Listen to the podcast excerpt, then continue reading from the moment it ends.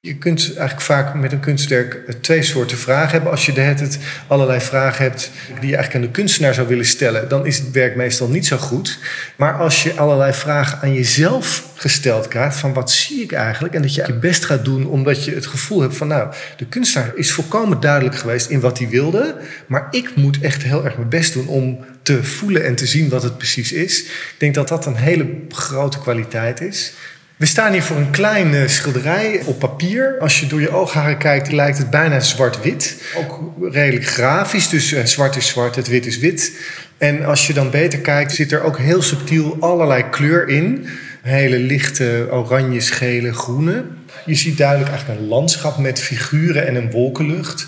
Aan de linkerkant zie je een silhouet van een kerk, smal en hoog. Daarvoor een grote figuur met een grote hoed. En dan veel verder op de achtergrond, want veel kleiner, een aantal wat kleinere gebouwen en wat kleine boompjes. En dan juist aan de rechterkant, ook bij allerlei wolkenpartijen, zie je drie figuren met zonnebrillen. Het heet de Italiaanse begrafenis. Eh, maar ook als je dat nog niet weet, dan voel je aan alles dat er een heel, uh, ja, een heel verhaal verteld wordt in dit werk. Het is een klein uh, werkje, ongeveer 40 bij 35 schat ik ongeveer, in een klein soort gouden lijstje. Het is eigenlijk een, vooral een heel licht rozig, steenrozig vlak met daarin zwarte tekening of schildering.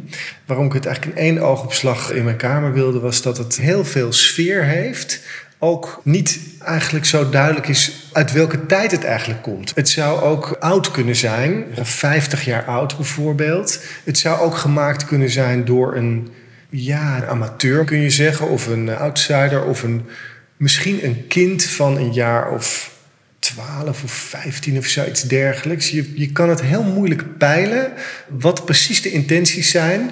Maar de sfeer is heel sterk en de subtiliteit van het werk is ook ja, heel geavanceerd eigenlijk. Dus het is een wonderlijke hoeveelheid van indrukken krijg je eigenlijk in één keer tegelijk binnen. Zo'n combinatie van verschillende signalen die zorgt ervoor dat je heel actief en goed moet kijken van waar kijk ik eigenlijk naar? Wat is het eigenlijk? Wat zijn de intenties? Wat, wat stelt het eigenlijk precies voor?